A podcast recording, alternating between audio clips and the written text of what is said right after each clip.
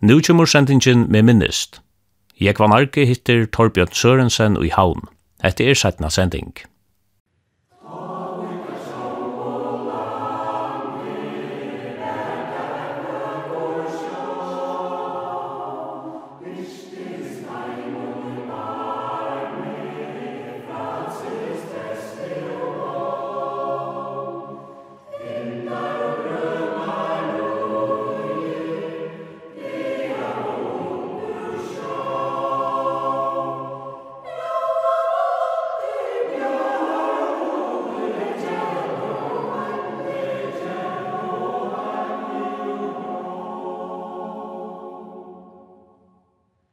Torbjørn, du ville slippe ur bankanen?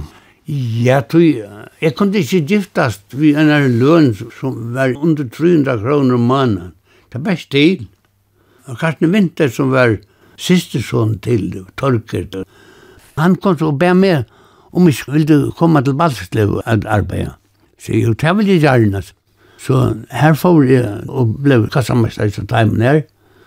Ja, her ble jeg i fjørde år sammen med Karsten Vinter og ta gass han, og så fortsette jeg oppi og um, stærra venn.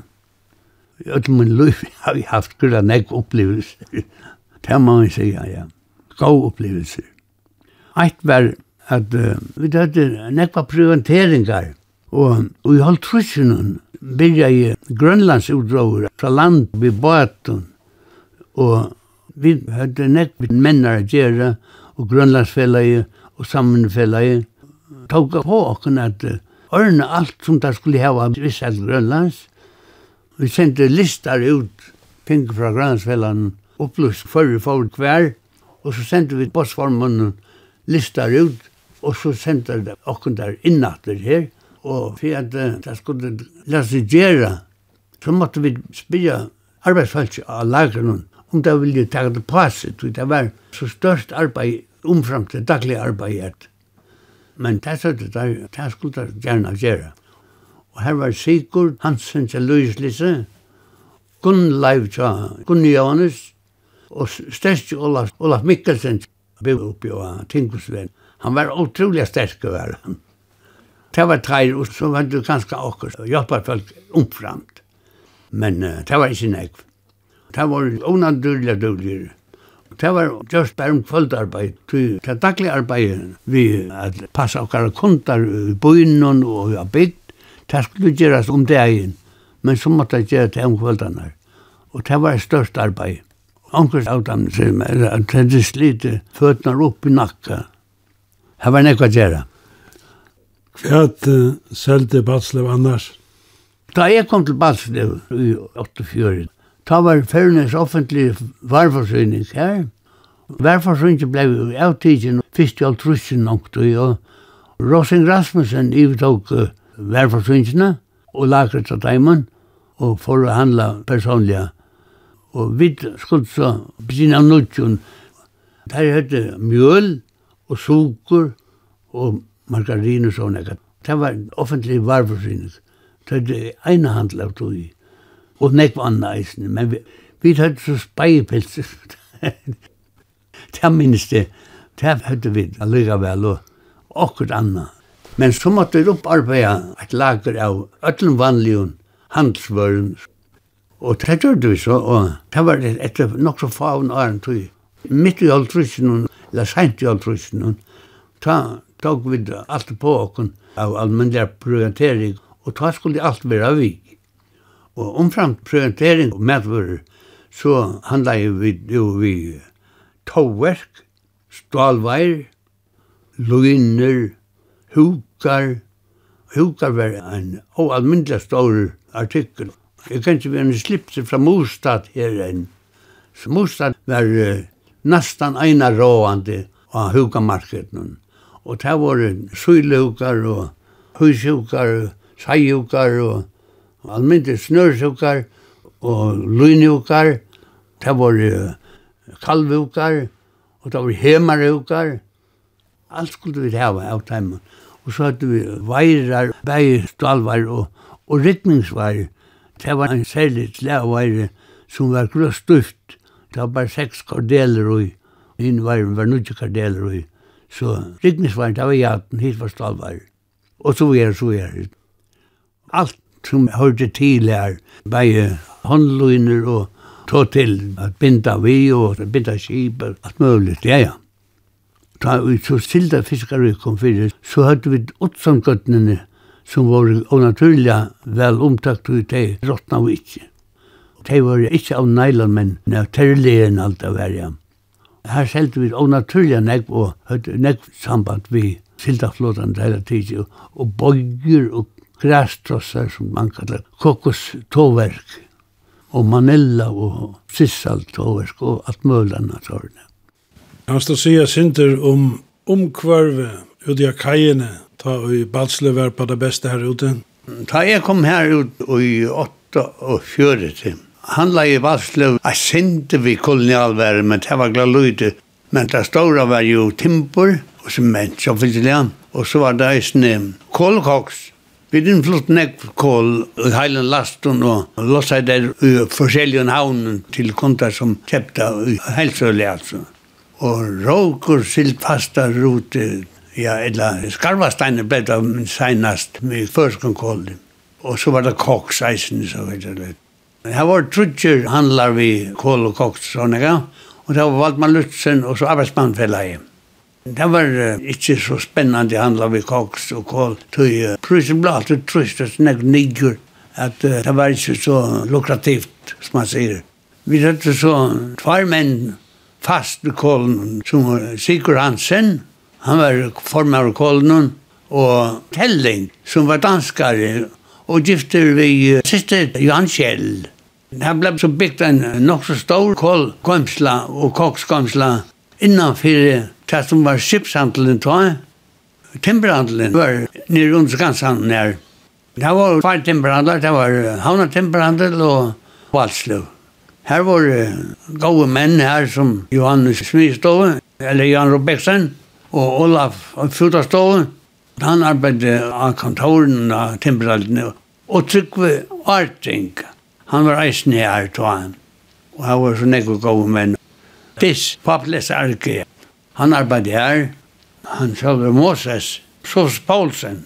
Han arbeidde her eisen, og, og Jakba Hans, panseren, han arbeidde her. Og jeg har vært nekk folk her i timberaltene. Først stamma, og så tatt av lossa timber, og så var det nekk bøna folk at jeg hatt. Hva er det andre visker var her ut i kajene ta? Paul Hansen bygde gamsle av kajene. Vi halte da man var veri i halvtrusjen Han er skrivstov og Bridgebakka og Konstantin var i tvam og nian fyrir skrivstorna som var Bridgebakka. Han gav vimma og sem mer var arbeidsformer i Voksbotten. Det var Morris Søkkersen Martin. Han var uh, lagersjefer i Voksbotten, men jeg hadde, han kom ikke ut av kajen, nei. Det gjør han ikke. Skipafella var uh, neste granne, og heimafella var det i pakkhusene som hei galvarer ut mot kajkanten. DFTS husast her og annars. Det var Torsan Havn som måtte til han. Og Sibafellet er så eisne akkur der og setter lager i Nyastjad. Eisne gode menn her som Oliver Dam og Pallnolf. Der var sjefar av kontoren alltid tatt og inne. Jeg var så fyrir nekk vissomhet. Og skipene kom og bei Kjalte og drottningen Det var en øyelig festla ut av kajene. Folk stimla sammen, veit beita skipene kom ut av det forrige. Og her var store mottøkker og avskje. Jeg talte om skiparen Erik Mål, og Jatnakar var stor i maur.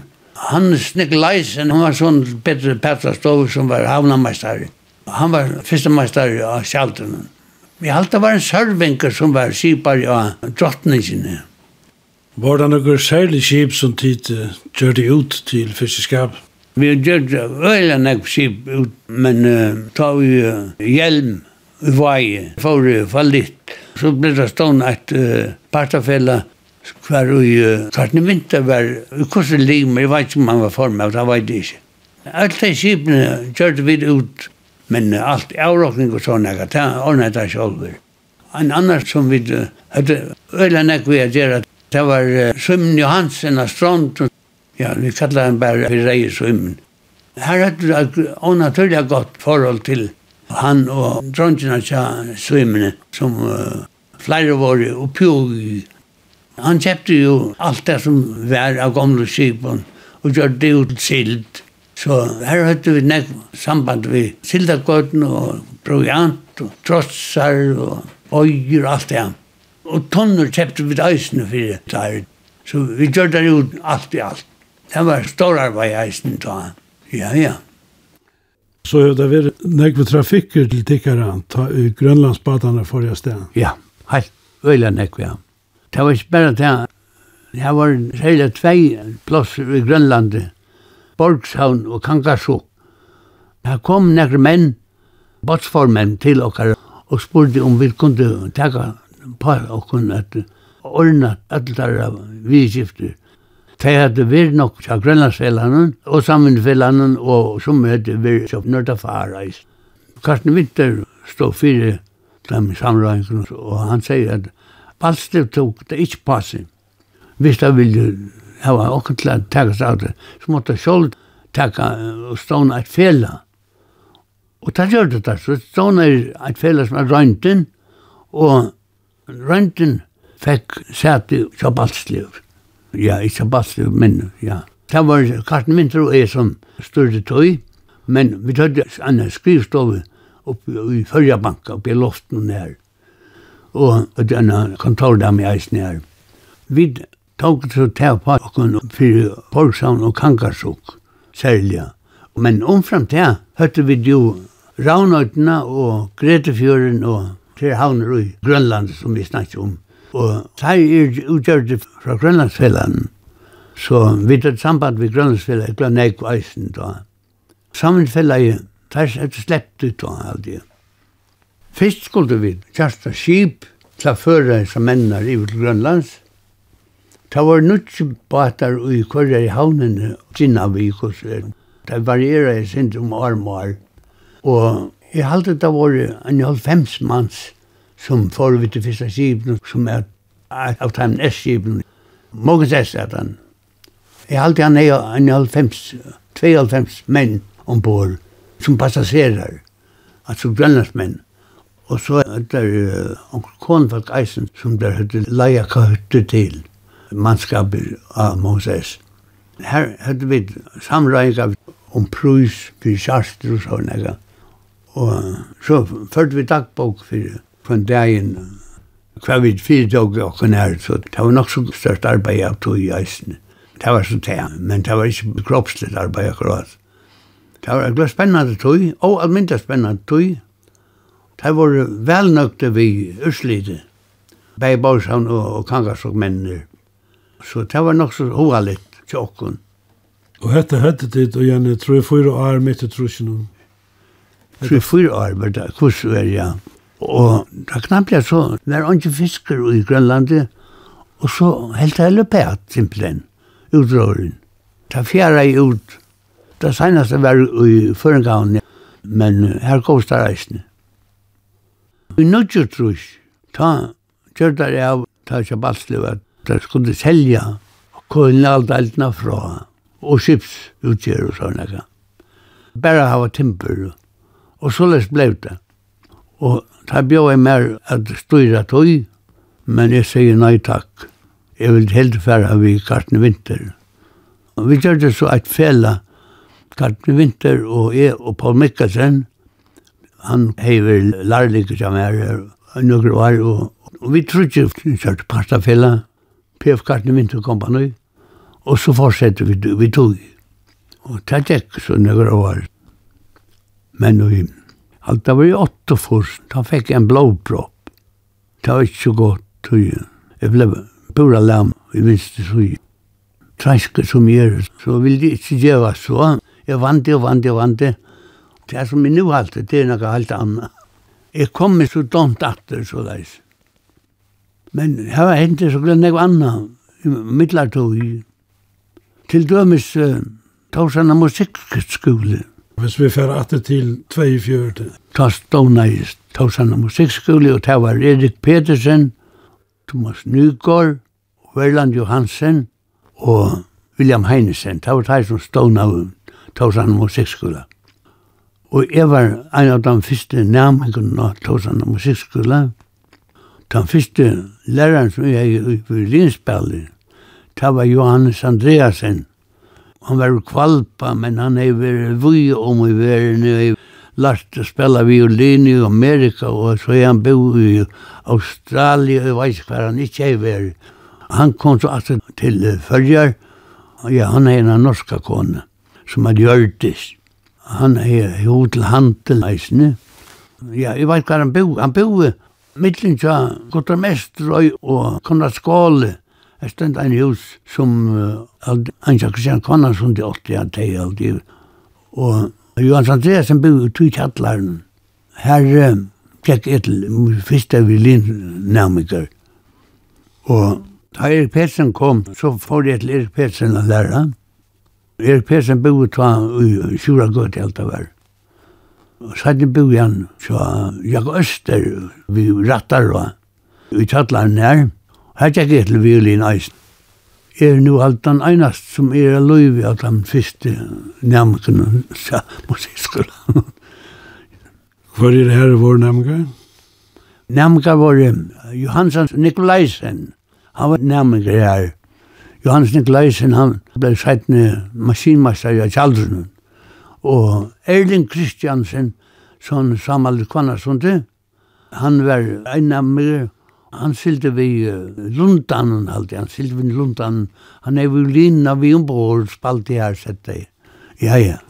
Og lærer var eisne Rigmor Restorff, hon hei lært uh, klaverspel, hon undervist i musikkskolan. Solveig han Jakan Johansen, hon var ein av dem namnknun som tog undervisning i musikkskolan nær. Så var det et åtal så kunne vi løypa løyt sinter om og se at uh, fra mitt ut trusjen. Jeg halte det var en 12 danske musikklærer som arbeidde vi Tosan musikkskola orkestren hun her, og konserter så leis. Per gav så eisne undervisning til namikar her. Og det var helt nekver. Jeg kan nevne eisne at ein av dem læreren var at som Håkon Elmer. Han var organister i Sønderborg. Jeg halte han var en heila veter her hos er. Og han er en rikku av kyrkje organisten som nærmigar her. Og da brøytis fullstendiga solmasankeren i fyrjun til årene som han var her. Han var stolt å høre. Jeg må si om meg sjølv at jeg ble omgat til nekkar fralukker musikar. Det ble jo ikke. Men alt aldri har haft en nok så goa oppgave i musikskolan som administrator, eller hva man kan sige. Jeg har alle noter under hånd og rockskap eisene og så er så er. Så jeg har noen oppgave der. Jeg takker meg av dem tilreisende og så nekka. Hvordan la fire tjadikkene få folk å lurta etter konserten? Det la bare helt vel fire. Vi hadde konserter i kommunskoleavlene. Det var ofte han fullsett, så det var helt stortlig, ja. Et av stortligaste opplevelse er det var at um, Sækars for å spille klarnett. Han spalte allmyndig av alt klarinett. Han opptakket som solister og tverfer. Einna for vi en er trio som heter Kegelstad trio, Kajleban trio, han heter Donskund. Her spalte Eion Brauer klaver, og Sækar spalte klarnett, og jeg spalte brass. Det var opplevelse eis. Og et annet opplevelse vi Sækars var at han spalte en satt av uh, Mozarts klarnettkonsert, og det var eisen virkelig godt, John. Så han er god evner. Han leik klarnettene fra seg på en eller annen tidspunkt, og han spalte nek på cello eisene. Han tjekk til Veiland og lær spela cello. Og han spurte seg Verland lær spela klarinett eisne. Og Verland var en maus som kunne spela på alt. Og så gjør han ork, og så gjør han eisen i Verland. Så han var en sånn tusenkostnær. Han var genial å være. Han døg bare for tullene. Så så det er, ja. Hva heldig du om tonlagerløyve i det? Tonlagerløyve i det bytjer av det som vi gjør. Og det er helt og sånn vanlige flott prestasjon som tar gjøre. Jeg er fullt av bunn til teknikkeren og utførelse som de presterer. Man må si at det lukner mest professionell. Så det er alltid er beundresverdet. Tar som jeg var skipa fire tog Paul Jakob til dømes, jeg var nekvann takk utborna. Og to ganger til tonleik framveis?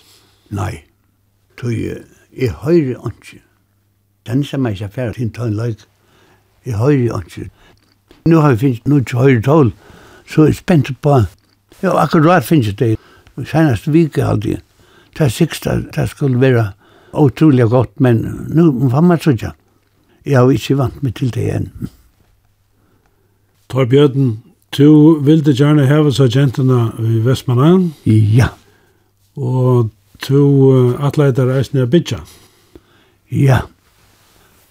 Ja, jeg er innretta kjallan til Paul Bro ved Grønnasveien. Her bor vi i seks år, til fem år, åltrus. Så vi gifte til 94, og er etter som vi fikk jobb til Balslev. Og vi i alt i 2-3 blev en trøtelsøle ved uh, Høydalsveien. Og det var meina lammauket som selgde en av trø han åtte han ikke, men han, han kunne selge til arbeidet som var lagt ut igjen, til var leietrø. Hun kunne ikke kjøpast for tryinga var diskaver, og jeg kjøpte henne så for 4000 kroner fra min lamak. Så får jeg å velta.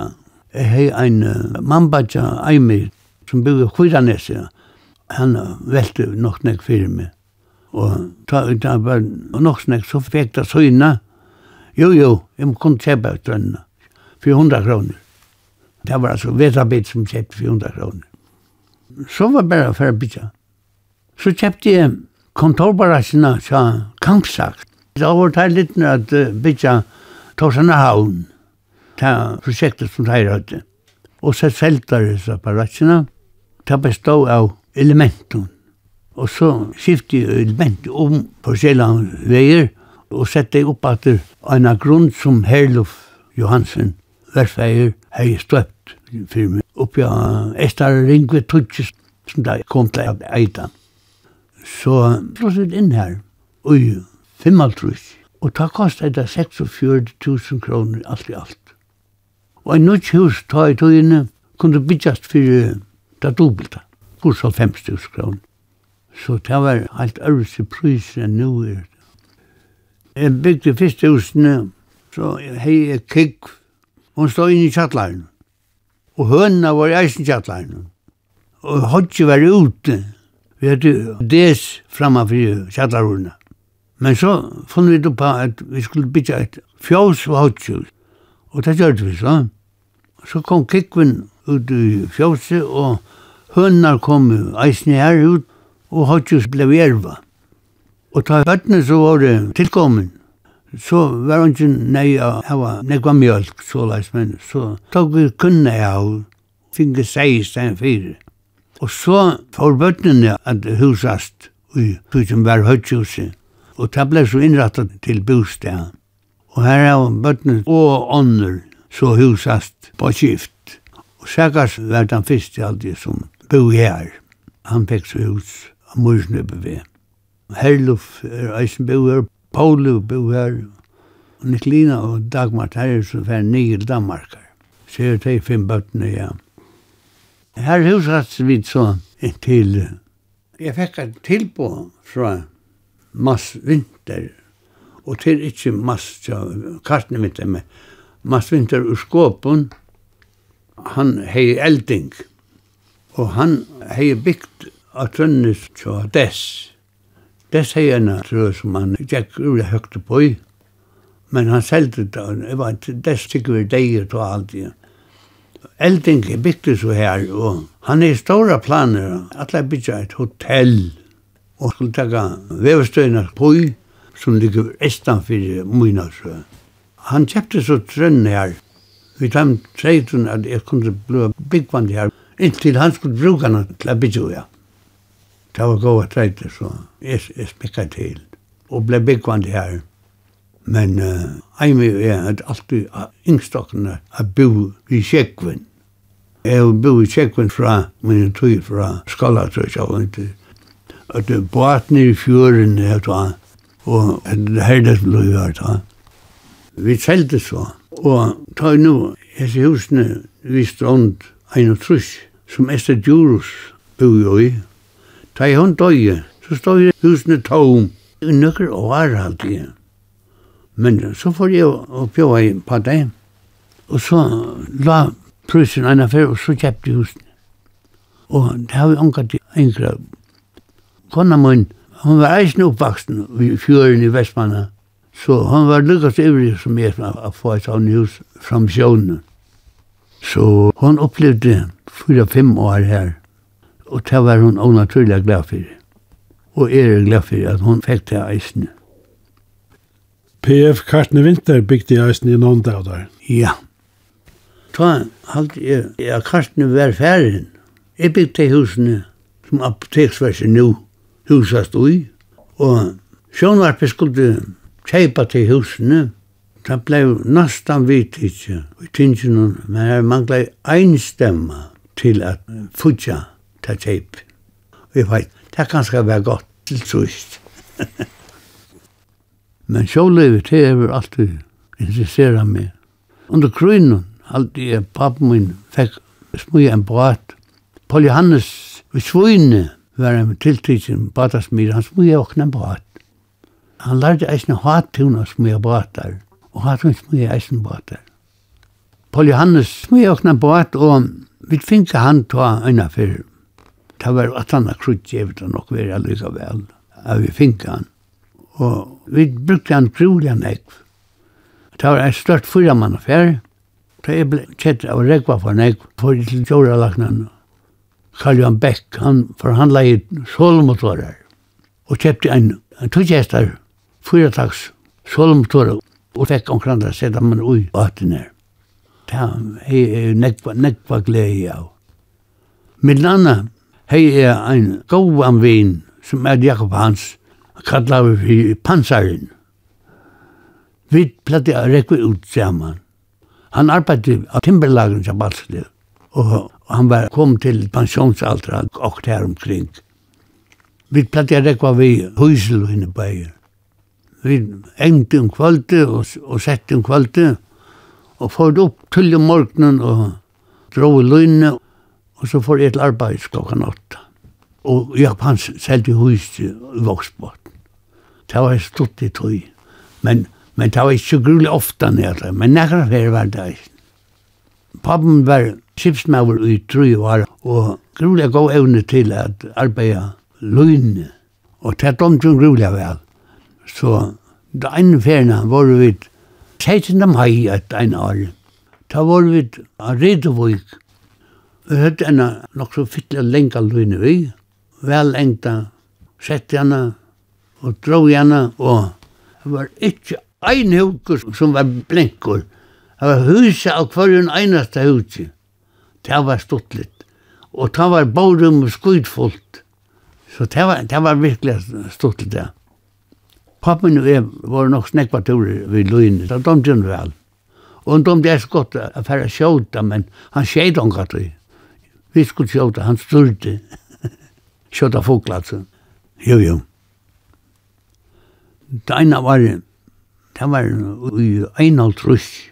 Da hadde vi rikket baten til, finnes jeg nes i heien til å si måken en kalesje framme.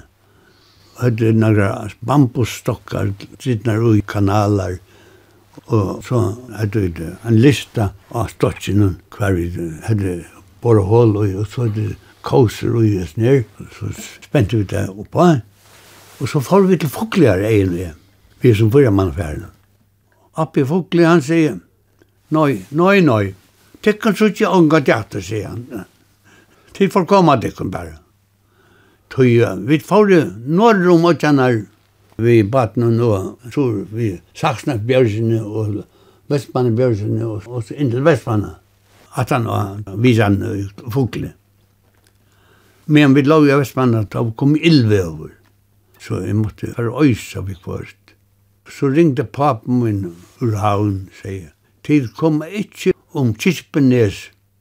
til bare Østmalde. Nei, det gjør det ikke. Tid kom av velbaste etter mer, sier han. Så han kom på av velbaste og silte vi og til havna.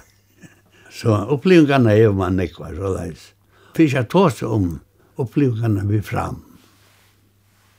Tøren bror og jeg kjepte fram ur sjoklafire, ta et han visst brandur alltid. Han var smujavur som Erik, tja, saman Peter, Petersen. Han var pappa til Erik Petersen. Han er uh, motorbata som han kallar upp etter sin og tjasser. Han var kom til Eida Brandur og hans Peter, han åtti han ta. Han var en fiskkonger alltid i Fuglafire. Og han skulle kjøpe seg en nødjan og større båt, og ville selge brand.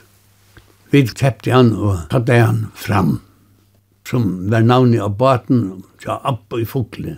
Han ble hongt opp under bitan i nesten av bakkan, og her hekk han til han, funnet i bort. Ja, han pene båt var han. Men um, da vi kjøpte han var han nok så ytla færre, og så nok så kjørvslig ut vi var det så frekje at vi får til Ånglandsviren. Vi uh, lappet jo han som friast og finke okkur settel på han eisen. Men det sa ut som jeg var ikke kvart. Og så får vi til en fiskerimesse i Aberdeen. Og her var Mostad som gjørte egne maskiner, eisene og Samal Torstensson og Klaksvig som er hukavirskje, Han er smu en brat som er djøkul. Og det var den første braten som fikk eknemaskin i fyrrjun.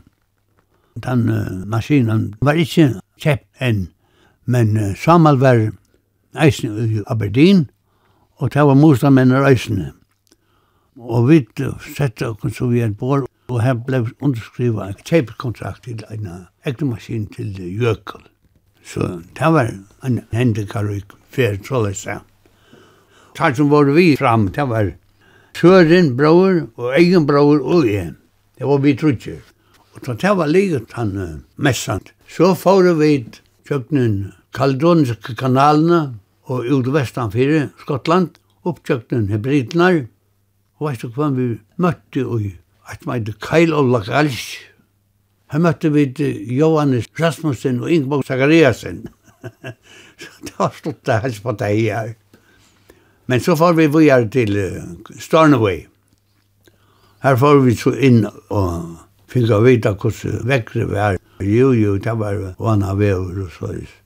Så ringte vi til Paul Brauer. Han satt og til gravstøyene. Å, ja, sier Paul. Han ble vever. Jo, jo, det kan godt være. Og det var det ikke. Vi får ut og får beint til grånene. Vinter beint til grånene og, og, og det ble åtsjene og ta bleiv ein tur heim. Vi hadde 48 timer ned til Aberdeen og fra Stornoway hadde vi 72 timer. Beinte mot alle tøyene. Her kom et størst skip fra, jeg halte det var Amasalik, som er åkna last på, jeg vet ikke hva det var. Men her var en føring som var brunni her, og Søren tog samband med der, og sier hva han var Han sier, nei, tillik, sier han, du, her, her er såret vever, at her er boldrar og boldrar, at, nei, nei, nei, det er ikke her, jo, jo, det var vi, så. Og jeg latt nei tutsi punt tantur. Men det var et opplevelse eisne. Ja, ja. Og da vi kom opp på under Solrøytene, ja, det var motstrøm alle strøyene, lykka nord til Ørna Nybna. Her er det rint sjåa her eisen. Det bråta seg var som var der. Vi måtte ut ans vel etter. Vi måtte hitja vel etter og så sikla så løs. Som det passet seg sjølvande. Det var stått litt. Men så fikk vi omkran til at uh, driva om til fiskeskap. Det skulle vi omkran til å gjøre. Ta vi underskottet blei mellom 40 og 30 kroner. Ja, så selte vi baten. Men det var ikke bare det. Tog Søren hei gruvlig gav han hoa fram.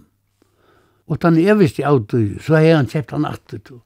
Og du, ta hei jeg kjept en annan båt som er Drompos. Det var en som var smøy av i havn. Han stålbater og, og ja, jeg seldi eisne han. Søren fikk en skipsbyggere fra Videshante til at uh, ordna fram fra botni av. Han tog motoren ut sette han inn her som fiskesentralen er veri. Og tok han og sunter i minste luter, så. Og med han til så var det snir timpmauren, og holdt vi fram, og for fornutja i bei eit og anna. Og tetje var tidsi av, og strujus var tidsi av, og keisingis var tidsi av, og ja, ja. Og så ordna jeg han en stinkara, stinkara tera, store eitiplanter som la fra fremst og lyd at i reivna av baten. At han gjør det størst arbeid ta, ta med Vi var ene for ui Grena, ta var vi ombord av Brigaten Jylland, og ta arbeid i tannmauren som formaur av Brigaten Jylland, reparasjoner og sånne. Nå, men framblev så et anna farstøy, heilt et anna farstøy. Vækrar farstøy er seg alltid seglmekaren Klagsvøk, jeg vann. Han seg meg seglene, med sann og størst segl og fokke og klivare. Jeg atle alltid han skulle få toppsegleisen, men det ble unga til det. Vi var fem eller seks fyrir utdannet av vi. Den første turen, det var så til Aberdeen, og da var hilde seg motstandmennene, så må være over høttene, for om jeg har vært med skipen. Nå, men så ble han til en ordentlig skip. Og vi var så i Ørlandet vi er nøysene.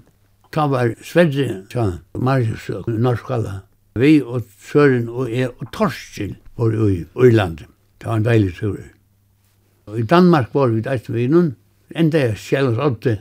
Og her minst jeg av. Og jeg var Sækars, sånn sør, kom vi oppad. Og så har vi vært en tvart tur i Kjetland i eisen. Eit var som alltid atleimer, det var ferdig grønlands, men det ble vi ikke ångat vi i Grønland, og ångat vi i Island. Så det er en mangel vi min oppdragelse. Men uh, det var lykka vi at ble grønlendare, tog uh, pappen min fikk på jobb som lærer i Grønland. Men jeg hadde mamma vilt vært Grønland, så det ble vi havn. Og bedre var det. Fram er til en? Fram er til en, men, men, men. Han stendte i Arjakai, og jeg tykker ikke han kommer seg. Og hvis han kommer seg hva, så søkker han beina ved. Det var spett, tror jeg.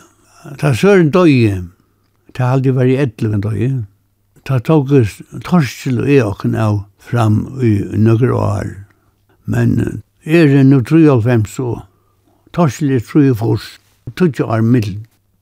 Så aldri sier det at vi mekner ikke at halda en sånn båt. Det er stor arbeid og til er spett, vi da vil öll gåi fram. Og tautas heldian til bøyrai. Nå sitter du ute ved strand, og du hever Valgaravøyk beint nian fyrden. Er det nekva suttje her i fjøren? Ja, ja, ja. Nu har vi en sånn unaturlig finna telefon. For jeg at skipene vi, og vi løtene litt av fem farmaskip enkra jo opp oppi a nøsa fyrir Og jeg har nøvnen i at av Nøtlund og hva det skulle enn. Det er unaturlig spennende all det å fylgja vi og og ta et skip for Jøgne fjøren så hitt et hva er dette av skip? Å ja. Sannast det var stor nota skipene. Spennende så jeg tek trøklein og tek Jøgne fjøren. Som er færre til Kotlafjøren og andre færre til Fuglafjøren. Men så finnes det de som skal fære til Tvører, Det synes jeg ikke, det færre seg ikke beinleis. Men det er en overdeles alt jeg for meg, som alltid har interesseret meg for sjånen. Sjålt om at jeg var sjåmøver i tannforstand, så har vi alltid domt grunn vel at være av sjånen. Og sjekkpen er unga du kjeilir, ta blika lagt ned, så er det allmyndelig vekkert og flott oftane. Og så ta ötten er, så er det eisen øyla flott. Så her ser man nek illvever og godt vever. For meg er det nekvert, ja. Torbjørn, jeg ferdig å si at det er takk for det. Takk selv